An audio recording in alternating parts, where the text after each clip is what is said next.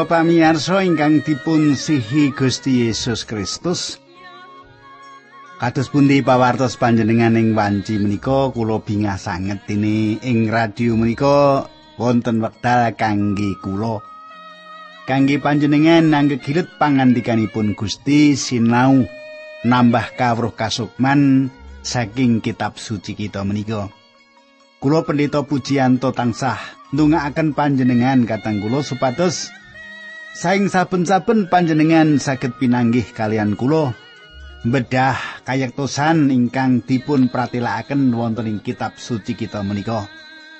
Kados pundi pawartos panjenengan kadang kula sae-sae to sedaya inggih keluarga panjenengan inggih panjenengan piyambak nanging mboten ngira menawi kala-kala ing gesang kita menika wonten pepalang cobaning gesang inggih menika sanguning urip ingkang kedah kita gendong lan indit kita gesang wonten ngalam padang menika nek ana bejo ana cilaka nek ana lara ana waras ning nek kita menika gesang kita mboten alandesan waras utawi sehat utawi sakit utawi melarat nanging gesang kita alandesan dawuh pangandikanipun Gusti Awit saking menika adicara margi utami badhe sesarengan kalian panjenengan sugeng midhangetaken.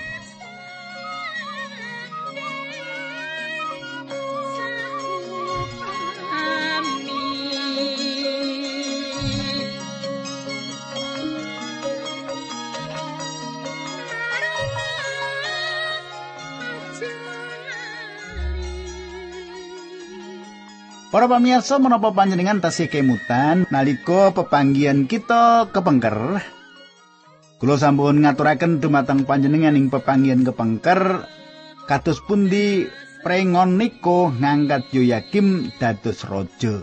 Nggih. Lajeng kados pundi salajengipun katang kula kita badhe nyemak nanging saderengipun menika kula badhe ngaturaken salam nggih. Sederek-sederek sing sregep nyerati kawula. Bapak Jasirun Bapak Agus Setyo Budi, Bapak Suyatno, nggih. Mugi-mugi ketika Bapak menika midhangetaken adicara menika. Nggih menika saking dusun Tambak Sari, nggih. Wah. Tambak Sari, nggih. Sari-sari ning tambak nggih kathah urangi. Wae. Nah, kata kula monggo kita tumungkul kita ndedonga sesarengan. Duh Kanjeng Rama ingkang ada tampar wonten kraton ing kasuwargan kawula ngaturaken gunging panuwun menawi wekdal menika kawula sesarengan sedherek kawula. Kawula ndongaaken Duh Gusti menawi wonten sanak katang kawula ingkang samenika nembe dawah nembe nglokro gesangipun supados paduka petut Kawula ndongaaken ingkang nembe kemawon mirengaken adicara menika supados paduka paring roh semangat supados saged midhangetaken lan midhangetaken kanthi makaten saged ngribah gesangipun dados keparingipun paduka Gusti. Linambaran asmanipun Gusti Yesus Kristus kawula ndedonga. Haleluya. Amin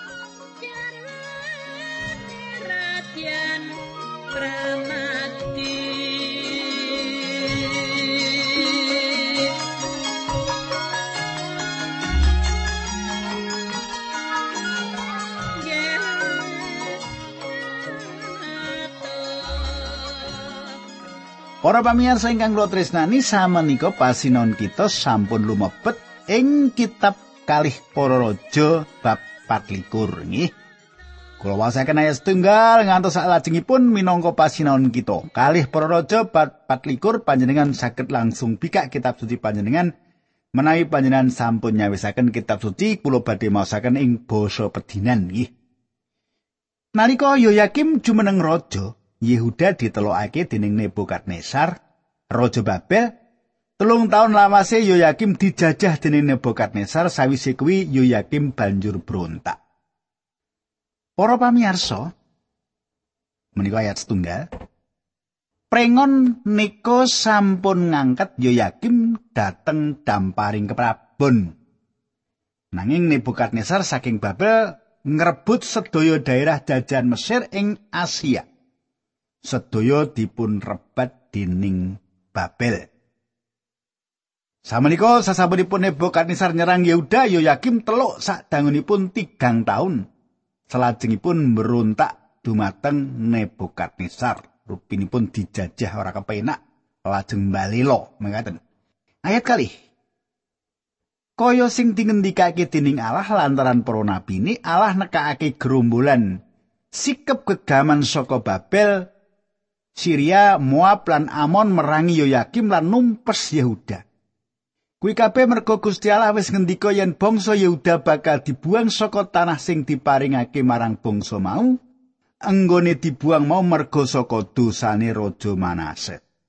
Para pamirsa, kados ingkang sampun kita tingali Manase inggih menika tiang ingkang awon. Manase menika gadah geduan ingkang elek nggih. Geduan niku nek basa ngin kula mriku nggih, geduan niku patrap nggih, watek sing elek. Lan awit bangsa Yehuda menika mboten nebihaken saking dosa-dosa ingkang dipun tindakaken Manase, Bangsa menika badhe dipun beto dhateng pambucalan. Awit ora nggugu manut dawe Gusti Allah, bangsa menika badhe dipun bucal saking negaranipun.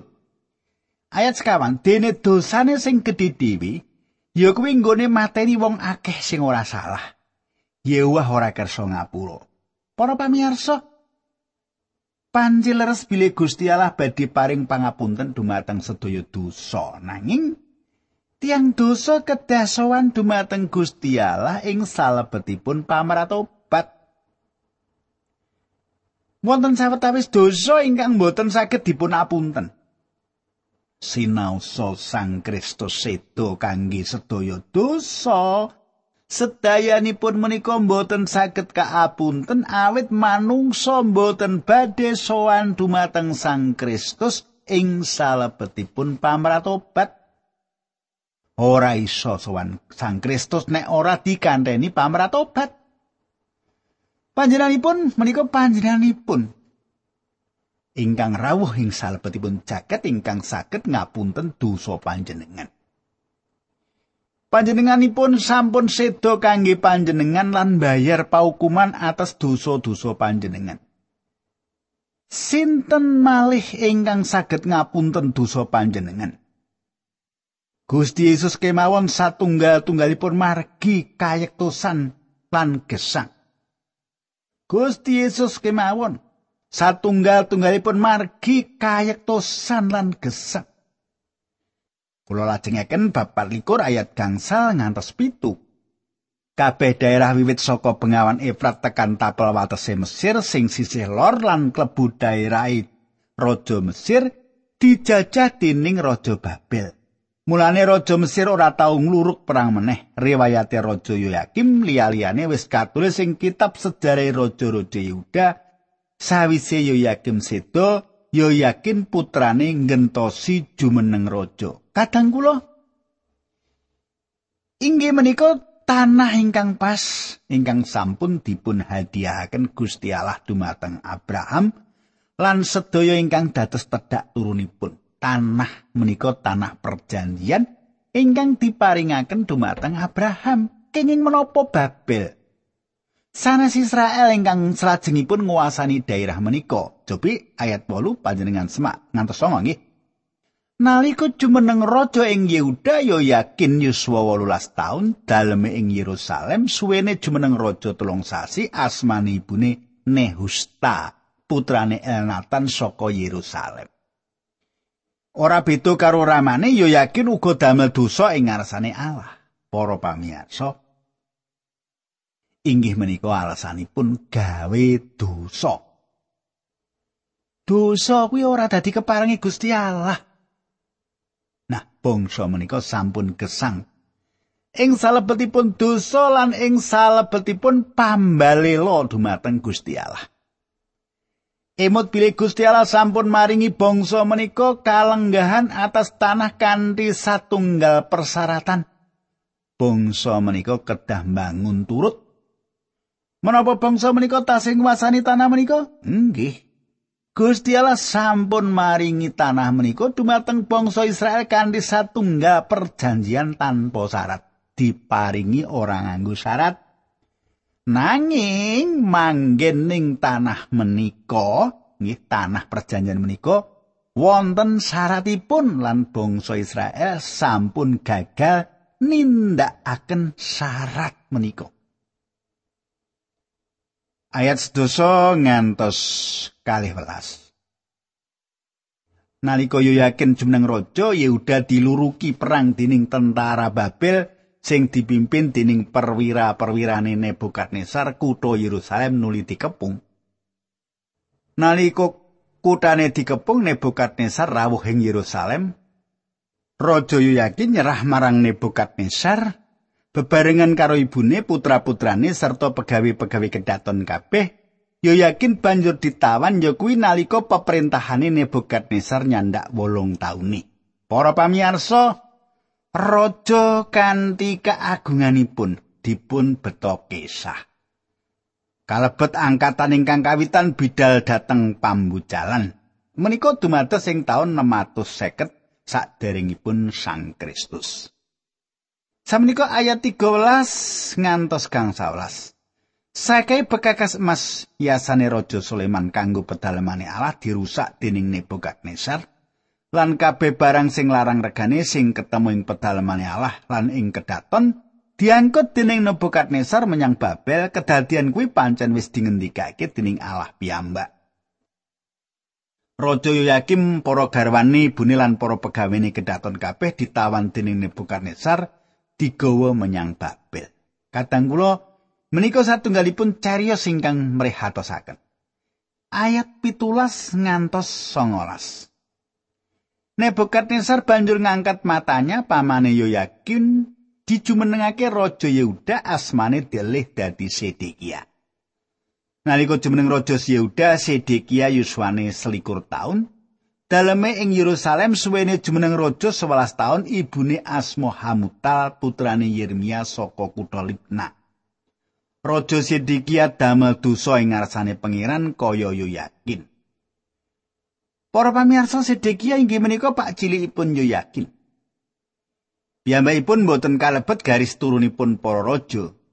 Panjenengan saged ugi gadah pikiran bilih kanthi dipun bucalipun bangsa menika dados jalaran bangsa menika dados bangsa ingkang sabar. Mbok menawi panjenengan gadah anggapan ingkang kados makaten nanging babar pindah mboten. kangilan badhe ngribah satunggal utawi kalih perkawis sing salebetipun gesang tiang. Duka menika badhe mangkotaken utawi nglembutaken manahipun. Duka menika badhe atamel kekayutan panjenengan tambah caket utawi tambah tebih kalian Gusti. Panjenengan dados ribah sasampunipun panjenengan ngadepi kangilan lan kasangsaran. Sang Surya badhe ngempokaken lilin nanging Sang Surya badhe murukaken atos lempung. Nah manah panjenengan niku kalebet lilin apa kalebet lempung nek lempung ya tambah atos gitu. Nah ayat kali dosa Gusti Allah tuku banget marang rakyat Yerusalem lan wong Yehuda mula wong-wong mau padha ditegakake. Kadang kula Gusti Allah mboten wonten ing pihakipun Israel awet Israel mboten wonten ing pihakipun Gusti Allah. Kita keteng ngatos-atos kegayutan kalian panginten. Kula nate mireng tiang sanjang, aku nindakake perkara mligi awit aku ngerti iku kersane Gusti Allah. Panjenengane wis meratelake marang aku. Salajengipun tiang-tiang menika majeng terus lan nindakaken menapa ingkang wonten ing pikiranipun. Nanging tiang-tiang menika gagah. Gusti Allah mboten mihak dumateng tiang-tiang menika. Wonten utusan Injil ingkang kisah dateng papan penginjilan wangsul lan canjang. Wah, aku nindakake keluputan lunga menyang jaban rangka. Kula sanjang nanging panjenengan kondo menawa panjenengan ana ing sadurunge kersane Gusti Allah. Panjenengan yakin tenan nalika iku. Tiang menika sanjang ndak pikir mengkono ing wektu kuwi. Kadang kula kita saenipun ampun gadah pikiran ingkang kados mengaten. Kita kedahipun yakin ing wekdal kita wiwit ngrembak kegayutan Gusti Allah wonten pihak kita. Sayektosipun kita kedah rumaos yakin sanes bilih Gusti Allah ing pihak kita nanging bilih kita mihak dumateng panjenenganipun. Inggih menika masalah ingkang dipun adepi Yehuda. Bangsa Yehuda tebih saking Gusti Allah nanging bangsa menika rumaos bilih piyambakipun menika umat Allah lan Allah badhe ngayomi piyambakipun. Kadang kula samenika pasinan kita badhe lumebet kalih para raja selangkung. Ayas tunggal lan kalih mekaten. Sawise mengkono Sedekia mbrontak marang Nebukadnezar, raja Babel. Mulane nalika tanggal 10 sasi ping 10 taun ping sangane Sedekia jumeneng raja. Nebukadnezar karo tentarane kabeh budal nyerang Yerusalem, banjur padha pasang kemah ana ing sak njabane kutha Yerusalem lan ngedekake tembok ngubengi kutha mau. Nggone ngepung nganti taun ping 11 peperintahane Sedekia. Kadang kula dangunipun kinepungipun Yerusalem nedahaken wekdal ingkang pas lan sanget dening penting. Inggih menika wiwitan saking pungkasanipun Yerusalem.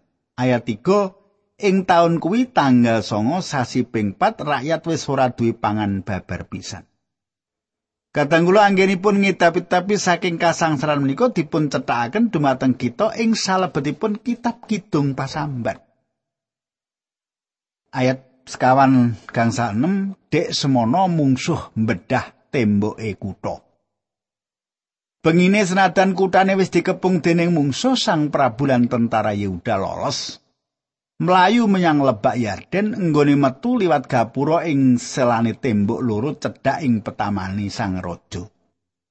Nanging raja Sedekia dioyak lan dicekel tentara Babel ana ing ledokan Yeriko Raja Sedekia ditinggal dening tentarane kabeh banjur digawa dening tentara Babel ing ngarsane Raja Nebukadnezar ing kutha Riblah lan dihukum. Para pamirsa, mengsa jebol mlebet ing kitha lan raja kalian prajuritipun budidaya nglolosaken diri. Nanging raja lan para prajuritipun menika kacepeng Nabi Yeremia sampun nyukani pameco dawahipun Yerusalem lan piyambakipun dipun anggap pengkhianat awit piyambakipun nglantaraken kayektosan dumateng rakyat. Ayat pitu putra-putrane padha disedani ana ing kono. Sawise mengkono Raja Sedekia tingale dicukil banjur dibelenggu digawa menyang Babel. Panjenengan katosaken. Sedekia dipun apusi dening para nabi palsu. Piyambakipun boten purun mirengaken menapa ingkang dipun lantaraken Nabi Allah. Samenika piyambakipun dibeto ing pambucalan wonten ing kahanan wuta. Ayat 9 pedalemane Allah nuli diobong dening Nebusaradan mengkono uga kedatone lan omah-omahe para pangarepe masyarakat ing Yerusalem. Para pamirsa, awit pemberontakan Yerusalem Nebukadnezar ngobong lan ngejur Yerusalem kali makatene wekdal Nehemia dumugi ing kitha menika pitung puluh taun. Selajengipun sasampunipun kabucal lan ningali papan menika, piyambakipun meh kecalan pengajeng-ajeng. Nehemia meh kecalan pengajeng-ajeng. Nanging Nehemia nglempakaken tiyang kathah lan perkawis ingkang ageng piyambak ingkang kedah dipun perantasi inggih menika icalipun semangat. Prajurit Nebukadnezar sampun nyirnakaken kita menika. Para nabi palsu sampun negasaken bilih Gusti Allah mboten badhe ngejaraken kita menika dipun sirnakaken. Para nabi palsu, Gusti Allah ngintun umat pilihanipun dateng pambujalan. Menika perkawis ingkang mrihatosaken kangge para nabi palsu menika lan menika perlu dados wucalan tumrap kita. Aja gampang kita menika kapilut kalian para guru-guru palsu gitu. Mulangi kita kepenak jebulane sing digoleki duit gitu. Nah kadang kula zaman sami niku ora nginget nang gitu. Wah, ana pendeta ape, gitu ana abdi Gusti. Wah, diagem Gusti langit tapi-tapi gitu. Jebulane keri-keri nggih, pucuk-pucuke. akhir-akhire duwe sing digoleki mboten kados pundi tiang dididik dibina. Cecaketan kalian Gusti Allah. Mangertos nresnani pepadanipun bangun negari nresnani. Samudayanipun ingkang dipun titahaken Gusti Allah. Uripe ketok kepenak orang remehake wong liya iso nampa wong liya apa anane bimbing wong liya supaya tetaketan kalian Gusti Allah sing dioyak-oyak persembahan gitu. Nah kadang kula kula lajengaken ayat sedoso ngantos kali welas. Tentara Nebo syarat dan gempur tembok-tembok kutha sawise mengkono wong kabeh sing isih keri ing Yerusalem banjur diboyong menyang Babel ya kuwi para tukang ahli sing isih kari malah uga wong sing wis padha melu dadi balane wong Babel. Nanging isih ana sawetara sing miskin banget wong-wong kuwi oleh tetep manggon ing kono dikon nggarap kebon anggur lan pategalan. Para pamirsa tiang-tiang Babel menika nilaraken tiang-tiang ingkang boten wonten ginanipun kangge bangsa Babel menika. Ugi bangsa Babel kepingin supados tanah menika terus ngasilaken kanthi makaten bangsa Babel nampi sosok bulu bekti glondong pengareng-areng saking daerah menika. Ayat 13 ngantos gang 11. Tuku-tuku prunggu lan kereta-kereta sing ana ing pedalaman Allah semono bak prunggu kabeh diremuk dening wong Babel nuli prunggune digawa menyang negarani.